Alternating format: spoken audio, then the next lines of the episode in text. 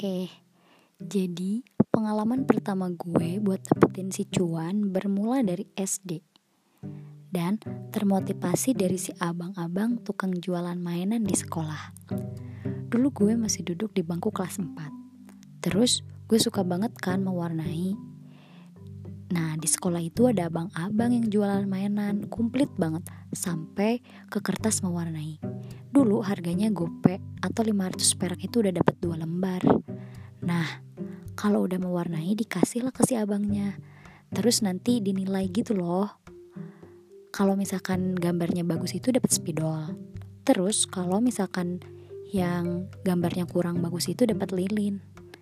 Ayo kalian ngerasain gak? Dan kalian tahu gak sih? Itu tuh laris banget si abang yang jualan mainan itu. Dari pagi sampai pulang sekolah tukang mainan itu gak pernah sepi. Oke, dari situlah gue berpikir kalau pendapatan si abang mainan itu pasti gede banget. Dari situlah gue jualan kertas mewarnai.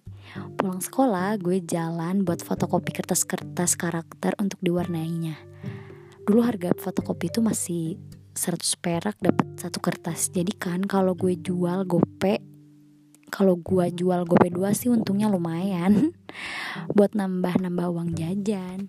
Lumayan kan?